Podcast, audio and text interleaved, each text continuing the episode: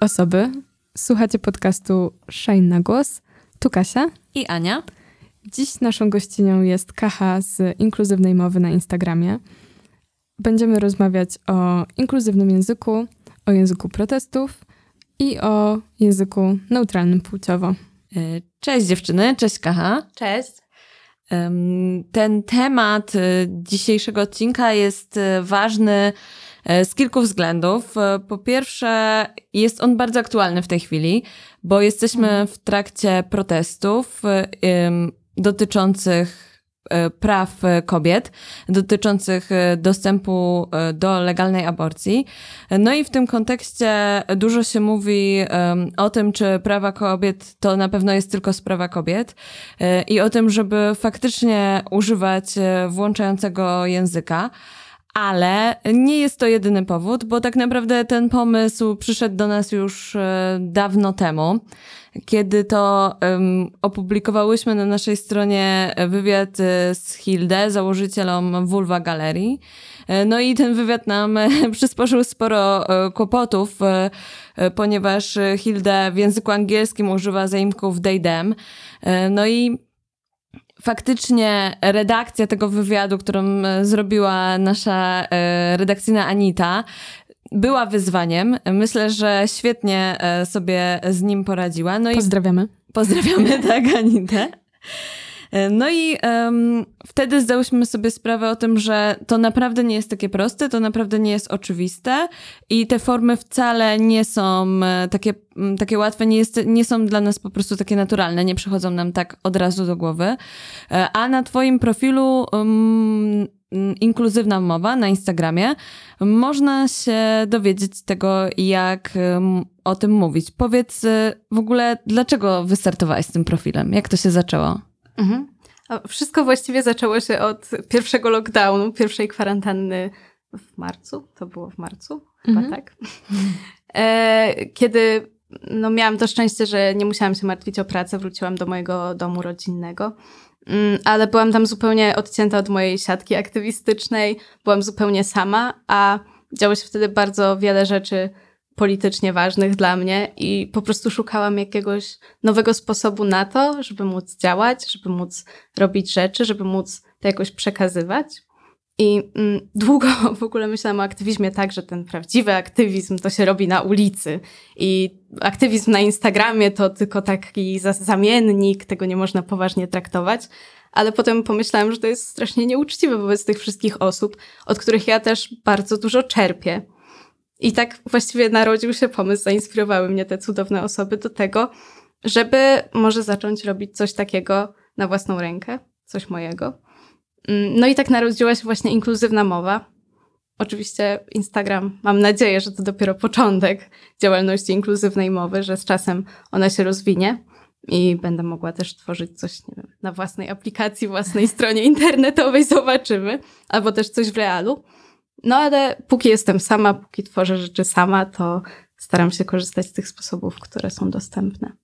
A też masz doświadczenia aktywistyczne ym, i czy zawsze interesował Cię język inkluzywny? Bo to też jest specyficzny temat, jeżeli chodzi o cały obszar aktywizmu. Mhm. Znaczy, w ogóle myślę, że mówienie o kimś tak, jak sobie tego życzy, to jest taka podstawa nie tylko aktywizmu, ale też szacunku po prostu do drugiej osoby.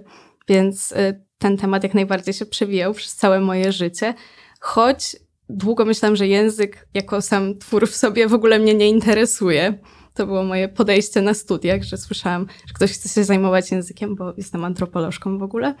Mm, to uznawałam, że to jest ten najmniej ciekawy temat, po czym zdałam sobie sprawę, z jak wieloma rzeczami wiąże się język i na jak wiele rzeczy ma wpływ. Mm, I no chociażby widzimy, jak językiem się manipuluje od tej prawicowej strony politycznej. I mm, chociażby sama dyskusja o aborcji, o której wspomniałaś wcześniej, jest bardzo zdominowana przez ten prawicowy dyskurs. No i uznałam, że po prostu trzeba coś z tym zrobić. Trzeba ten język odzyskać dla nas też. E, zgadza się, no mówi się, że język kształtuje rzeczywistość, tak, że ma bezpośredni wpływ na to, jak postrzegamy świat wokół nas e, i jakby kształtuje naszą kulturę. Stąd też właśnie to zwracanie uwagi na to, e, jakich form używamy, mówiąc o aborcji. I e, tak sobie myślę, że tutaj w tym wypadku protestów jest to tak niezwykle ważne, ponieważ on naprawdę będzie miał wpływ na rzeczywistość, taką rzeczywistość prawną, prawda? Tak. I um, myślę, że tutaj jest um, to istotne, żeby, um, żeby tego języka inkluzywnego, jak najbardziej włączającego, e, używać już od początku, e, no bo nie chcemy tworzyć e, prawa, które nie jest dla wszystkich. Chcemy, żeby ono od początku było. Mm, jakby łączyło wszystkie osoby, które mogą zajść w ciążę, niezależnie od tego, czy są to cis kobiety, czy osoby trans, mhm. czy interpłciowe, czy niebinarne. Więc Dlatego dzisiaj o tym rozmawiamy. Dlatego rozmawiamy o tym, jak można, można to robić, jak to można też robić na protestach. Mhm. No właśnie, jak można to robić na protestach? Znaczy, no, pierwszą rzeczą jest właśnie to, o czym wspomniałaś, czyli żeby pamiętać, kogo właściwie dotyczy aborcja, że to nie tylko cis kobiety, nawet jeżeli jest ich większość, to wszystkie osoby, których dotyczy aborcja, są tak samo ważne. I dlatego trzeba je w tej debacie uwzględniać. Dlatego super jest mówić o nie wiem, osobach z macicami, osobach mogących zajść w ciąży, czy po prostu osobach, których dotyczy aborcja, a nie mówić zawsze tylko o kobietach, no bo też wiadomo, nie wszystkich kobiet dotyczy aborcja. Mm, dlatego to jest chyba taka podstawa. Mm, też w ogóle język, którym się o aborcji mówi, o tym, że aborcję się robi, a nie się jej dokonuje, albo że aborcja jest aborcją embriopatologiczną, a nie eugeniczną, bo no właśnie, to jak mówimy decyduje o tym, jak myślimy w ogóle. Jeżeli posługujemy się językiem, który stygmatyzuje aborcję, to też myślimy o niej jako o czymś złym. Mm, też w przypadku protestów bardzo ważną dyskusją, która się poruszyła na początku, kiedy one zaczęły zyskiwać taką masowość, e, były hasła, które się pojawiały na tych protestach, które często mm, miały być śmieszne mm, albo miały obrażać przeciwników politycznych, ale w rzeczywistości obrażały jakąś większą grupę społeczną. Mm, tu na myśl przychodzi mi chociażby na przykład, nie wiem, Krzysztof Bosak ma małego co miało niby obrażać przeciwnika politycznego, ale tak naprawdę było body shamingujące i no było po prostu nie okej. Okay. Dlatego fajnie jest zawsze myśleć o tym, co niesie za sobą język, którego używamy. Nawet jeżeli jest to bardzo wymagające od nas czasami. Mhm. No właśnie, to trudność, e, o której mówisz, to co jest wymagające, to też e, po, polega na tym, że e, czasem musimy objąć bardzo różnorodną grupę jakimiś ogólnymi um, stwierdzeniami, a jednocześnie mam wrażenie, że czasem różne osoby wewnątrz tej grupy boją się, że jakieś ich doświadczenie będzie wymazane przez takie uogólnienie.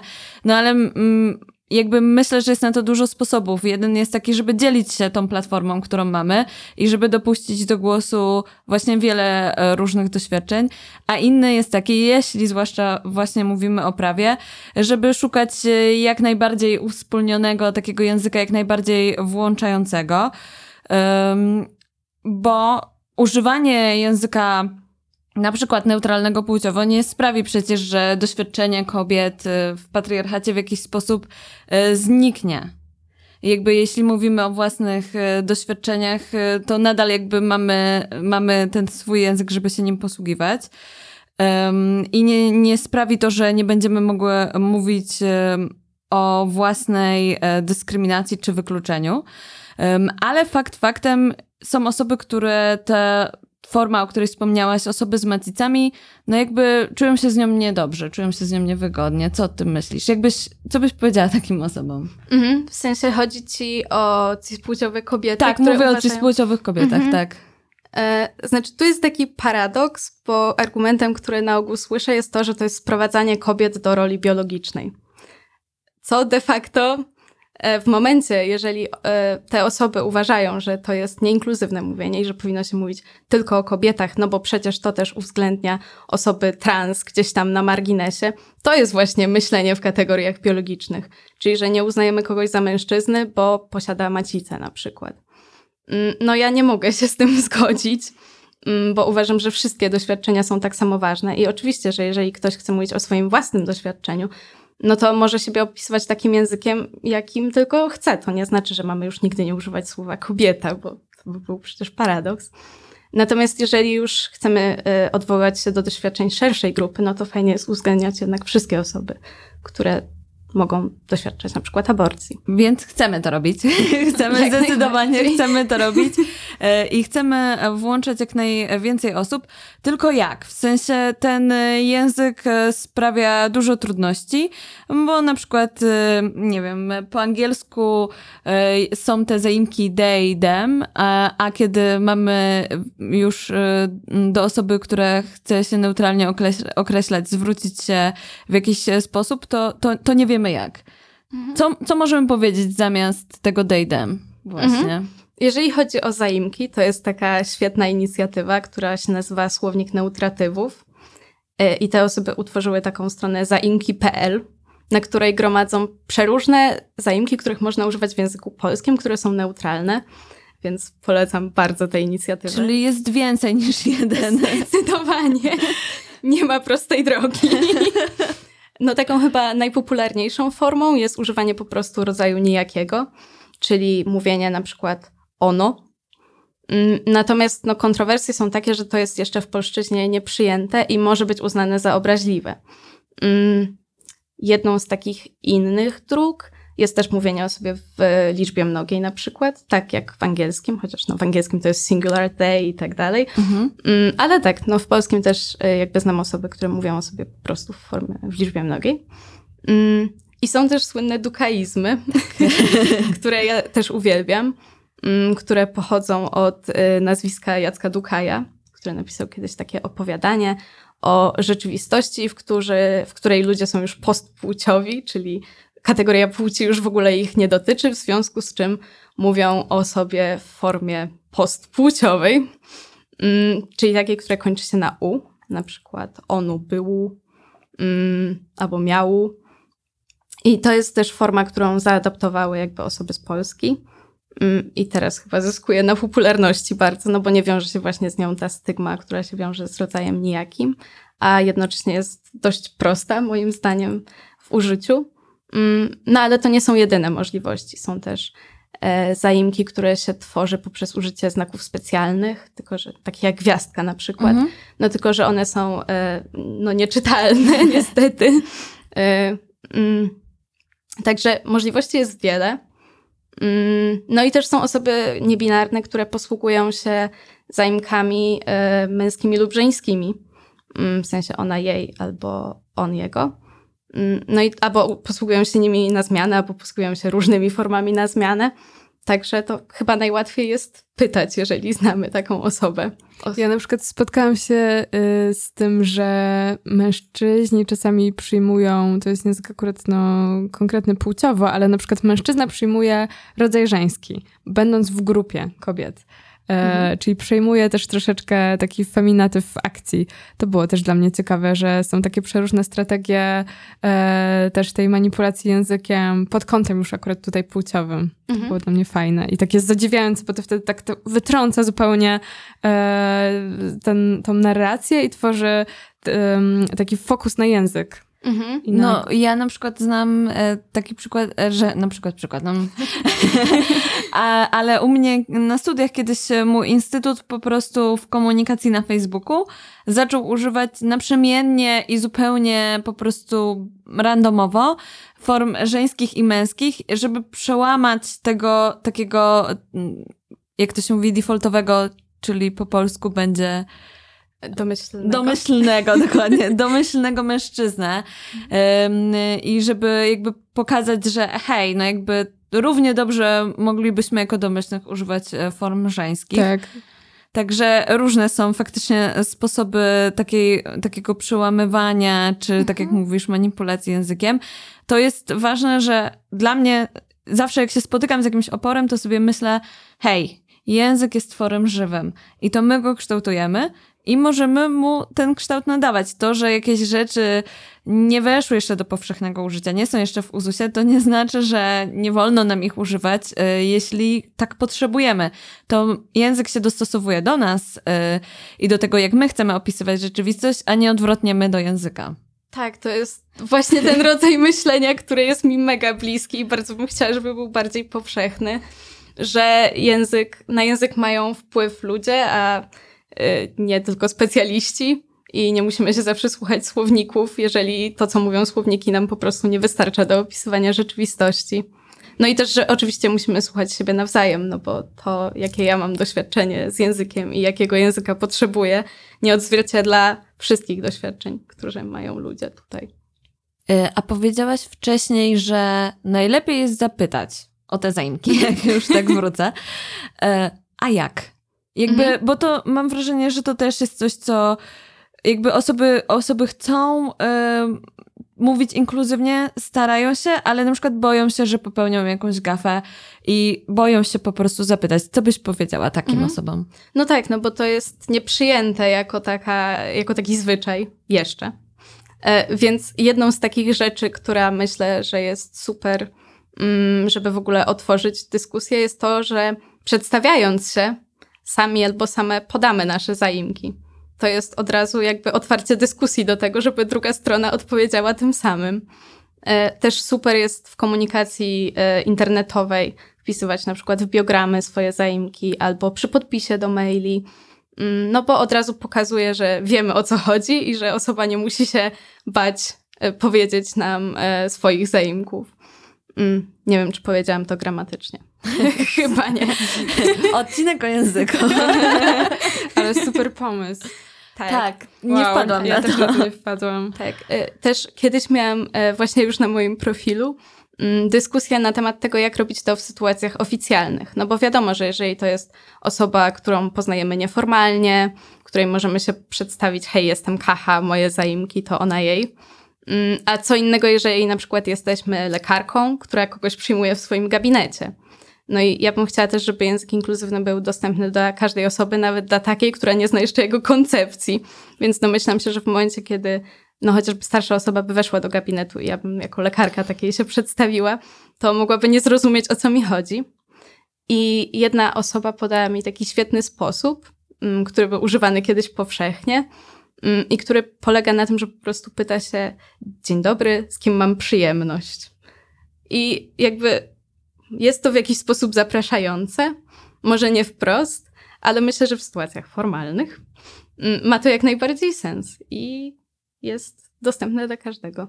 Okej, okay, bo mm, wymieniłaś wcześniej różne e, formy, ale nie wymieniłaś chyba, ch chyba nie wymieniłaś Aha. jednej, którą ja jakoś lubię, a teraz się zaczęłam zastanawiać, czy to jest faktycznie e, dobrze tak mówić, czyli po prostu mówić osoba. Na przykład, tak jak jest osoba z macicą, ale też dodawać do tego jakiś przymiotnik, na przykład osoba partnerska zamiast partner albo partnerka. Albo, nie wiem, czy tak można powiedzieć, osoba autorska zamiast tak. autor i autorka. E, to też jest e, poprawna forma? Tak, to pewnie słychać, że ja używam jej ciągle. Mm, tak, jak najbardziej to jest poprawna forma, po prostu nie uznałam tego za zaimek, no bo nie jest No nie, nie, zaimkiem nie, nie. tak, ale jak najbardziej. E, nawet chyba właśnie słownik neutratywów stworzył na to pojęcie osobatywy, które bardzo mi się podoba.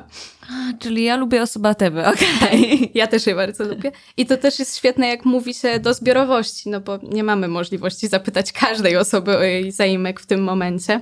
Więc jest chyba to najbardziej neutralna forma, jakiej możemy użyć w takiej sytuacji.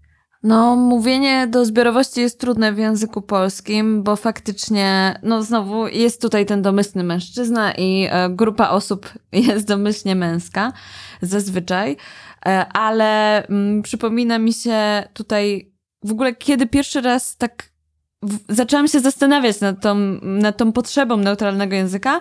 To było już sporo lat temu. Byłam na kursie niemieckiego w Niemczech i tam e, się dowiedziałam, że po niemiecku jest taka forma, którą można by na polski przetłumaczyć jak studenctwo.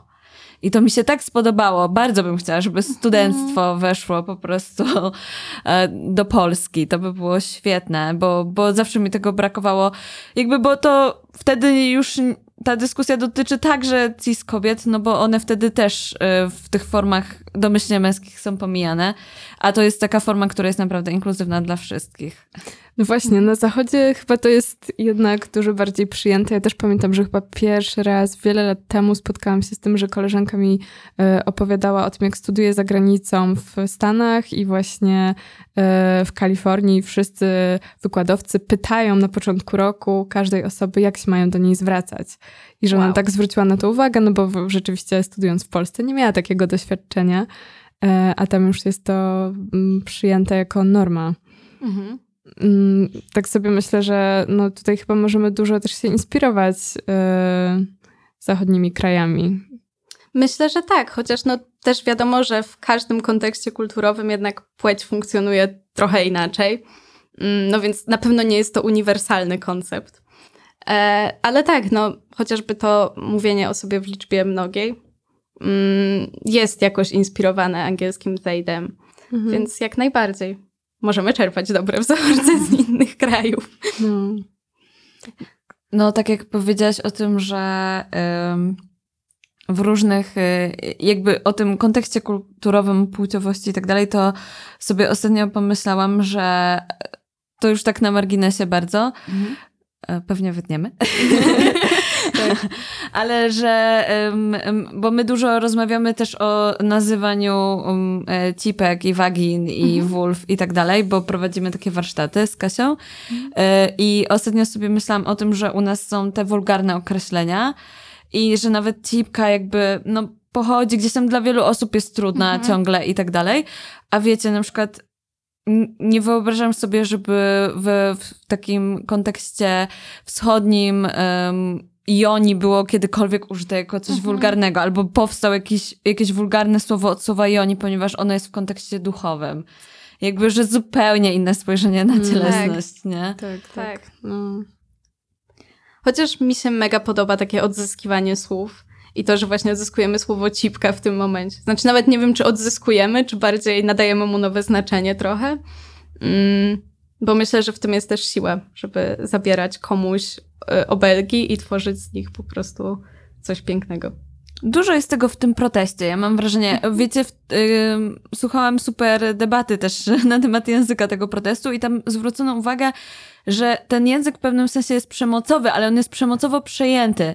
W tym sensie, że on jest e, przejęty od grup, no powiedzmy na przykład pseudokibisów, czyli osób, które są, które wzbudzają strach i które się kojarzą z przemocą i on jest pozbawiony tego kontekstu w pewnym sensie, przez to, że, że przejmowany jest do walki o prawa właśnie. Tak. To jest super. Tak. Chociaż y, myślę, że zwłaszcza na początku protestów dla wielu osób było trudno y, te hasła niektóre powtórzyć. W sensie, że nie, totalnie ten język przemocy, no nie jest nasz, mam takie poczucie. Mhm. Tak, ale też te hasła mają e, taki super memiczny potencjał, o, których te, o którym mówiłaś na początku, że one no właśnie już teraz się tak utarły i mam poczucie, że też mają szansę wprowadzić te właśnie nowe słowa tak do kanonu coś, o, o, co walczyłyśmy długo, żeby weszło do słownika, jak na przykład słowo cipka, tak już, nie wiem, Pusia, nie Jarusia jest na tylu zdjęciach i, i tak dalej. Jakby, wiecie, dużo jest takich słów, które były na kartonach, a przez to, że mhm. zostały uwiecznione i e, powielane, to, to wydaje mi się, że już się tak, no, utrą, przykurzą i już będą normalne. Mhm. Też sam fakt, że pojawiają się w mainstreamowych mediach, myślę, że dużo znaczy. Tak, tak, mm, tak. Tak samo jak była cała dyskusja o niebinarności, że chyba pierwszy raz w mainstreamowych mediach wtedy usłyszałam osobę, która się posługuje na przykład rodzajem nijakim i to było naprawdę bardzo piękne. Bo w ogóle mnie to też ciekawi, bo skupiłyśmy się na języku też takim neutralnym płciowo, ale to, co mi się bardzo podoba w twoim profilu, to to, że poruszasz wiele różnych tematów. E, I też mówisz na przykład o klasizmie, o tym, jak mówić, e, że jesteśmy w innym kraju, na przykład w Ukrainie. E, poruszasz mnóstwo wątków i to jest też fajne w Twoim profilu, że reagujesz na jakieś bieżące sprawy.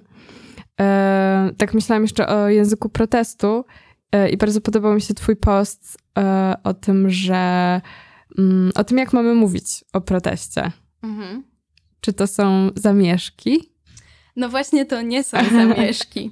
Mm, to jest coś, co deewaluuje e, znaczenie tego, dlaczego się w ogóle dzieją protesty, bo zamieszki wskazuje na to, że to są jakieś przemocowe akty, które się dzieją bez powodu, bo zamieszki to mogą być i pseudokibiców, e, zamieszki mogą oczywiście dotyczyć protestu, bo definicja słownikowa jest dość neutralna.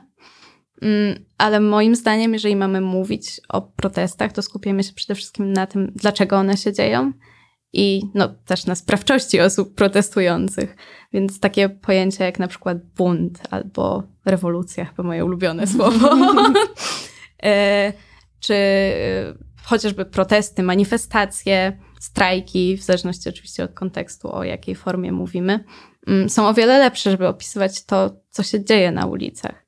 Żeby po prostu wybrzmiało to, dlaczego to się dzieje i po co i co chcemy zmienić. Mm. No tak, tak samo mam wrażenie, że jest hasłem piekło nie tylko kobiet, mhm. albo różnymi innymi hasłami, które e, no, wydobywają tematy, które na co dzień jakby nie są w debacie publicznej, choć jak słucham takich mediów mainstreamowych, no to nie ma tego tam. Wciąż Nadal. tego tam nie ma, mimo że te zdjęcia mhm. piekła nie tylko kobiet y, są powielane i wszędzie widzimy to E, w różnych stacjach radiowych czy, czy w telewizji, no po prostu to jest wciąż protest kobiet. No tak. No niestety podejrzewam, że to jeszcze trochę nam zajmie, żeby to się przebiło tak do debaty publicznej. Mm, no też mi ciężko jest to ocenić, bo nie mam telewizora w tym momencie. Ja też nie. Więc e, siedzę tylko w tych moich kanałach informacyjnych, gdzie oczywiście wszyscy starają się być jak najbardziej inkluzywni i inkluzywne. E no ale tak, ale warto, warto po prostu działać. Ostatnio e, właśnie słyszałam od jakiejś aktywistki, że jak była już w TVN-ie, to starała się jak najczęściej mówić osoby z macicami, a, mhm. a, a nie tylko kobiety. No bo też wiadomo, nie wszystkich kobiet to dotyczy i to też jest krzywdzące w tym momencie, że na przykład transpłciowe kobiety są spychane na margines, tak? Bo nie wpadają w tym momencie w te kategorie i jest to strasznie nie okej. Okay. Um, ale tak jak Kasia mówiła, na swoim profilu poświęcasz dużo miejsca bardzo różnym zagadnieniom i e, poświęcasz też miejsce feminatywom, bo język polki się odmienia. Dlaczego feminatywy są czasami potrzebne?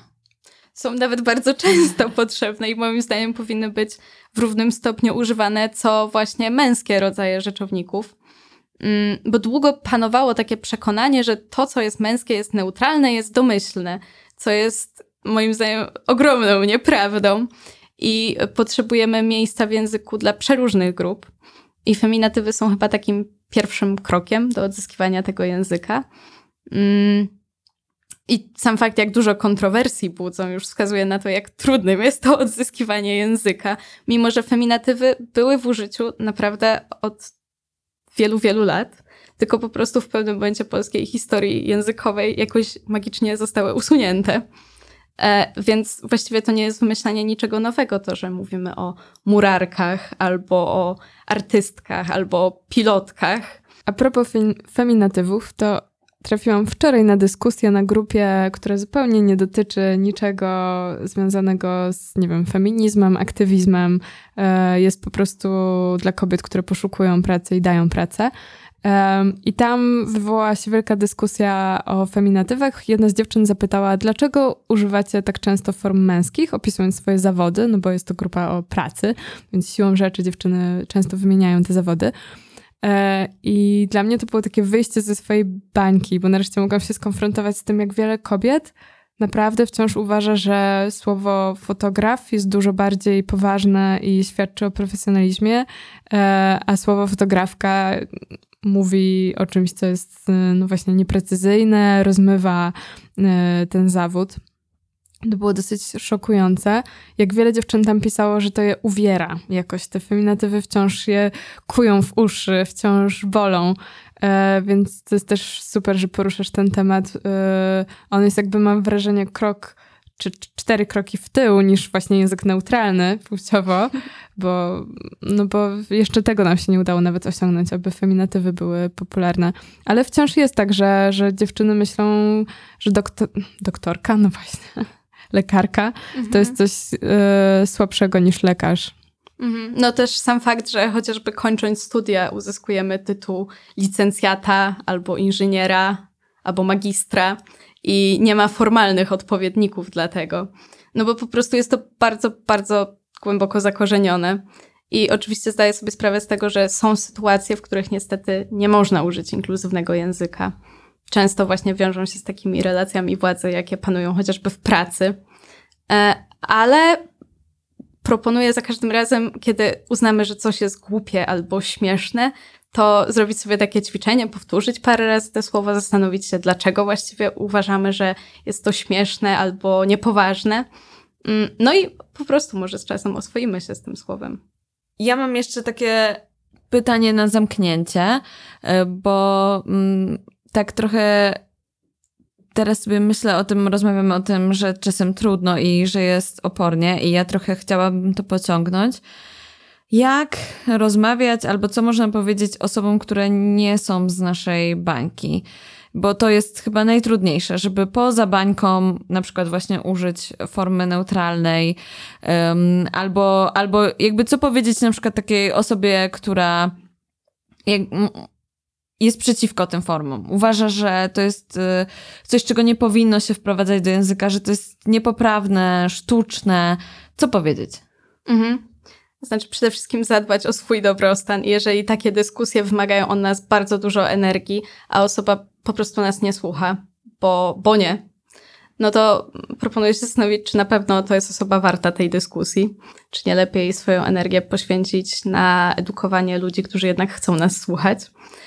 Ale mm, jest taka metoda, którą bardzo lubię, czyli mm, jakby y, próbowanie przekazania swoich treści poprzez empatię i odwołanie się do doświadczenia takiej osoby, y, które mogła mieć i które jest w jakiś sposób podobne, bo jestem pewna, że większość osób miała chociaż jedno przezwisko, którego bardzo nie lubiła i bardzo chciała, żeby ludzie po prostu nie nazywali jej tak. Mm, I można właśnie zrobić takie ćwiczenie, zaproponować, żeby osoba pomyślała o tym przezwisku i że to jest podobne uczucie, jakie mają ludzie, kiedy używa się na przykład wobec nich złych zaimków albo kiedy nazywa się je jakimś obraźliwym słowem, takim jak słowo na M. I paradoksalnie często to działa, bo wtedy przywołuje te emocje i jest to jakoś lepiej rozumiane. No tak, to już nawet tak na takim bardzo podstawowym kontekście to też przecież nie mówimy na ty do, nie wiem, do naszych przełożonych w pracy, tak, albo y, po prostu czujemy to tak na co dzień, tak, że są o, jakieś osoby nie chcą, żeby się do nich e, tak zwracać i mamy ten szacunek, e, żeby tego nie robić i to jest totalnie taka sama analogiczna sytuacja, która wymaga od nas empatii i szacunku dla drugiej osoby. Więc e, używanie form neutralnych, kiedy mówimy o grupach osób z różnym doświadczeniem, albo y, używanie odpowiednich zaimków, kiedy, jakich, jakich ta osoba po prostu używa. To jest, to jest kwestia szacunku a nie naszego wyboru, więc, więc mam nadzieję, że zajrzycie na inkluzywną mowę. E, mam nadzieję, że e, jeszcze raz ta strona z zaimkami. Zaimki.pl. Zaimki.pl. E, tam też zaglądajcie i słownik neutratywów. To podeślemy wam linki w opisie. I może krok po kroczku uda nam się y, faktycznie nauczyć się. Ja mam takie poczucie, że po prostu chodzę z taką plakietką, uczę się. Jak chyba każda z nas, bo to też nie jest tak, że ja też wiem wszystko na temat języka. I ja też popełniam błędy i to jest okej. Okay. Nie okej okay jest to tylko w momencie, kiedy nie chcę posłuchać drugiej osoby i nie chcę się przyznać do tego, że popełniłam jakiś błąd i tego naprawić. Więc tak, wszystkie się uczymy. Tym y, zostawiamy Was, dziewczyny. Słyszymy się co środę. Y, followujcie inkluzywną mowę na Instagramie. Z nami zawsze możecie się zobaczyć y, na Facebooku, poprzez maila. Piszcie do nas redakcja małpashine.pl. Y, obczajcie nasz profil na Gołaucie i słyszymy się za tydzień. Cześć.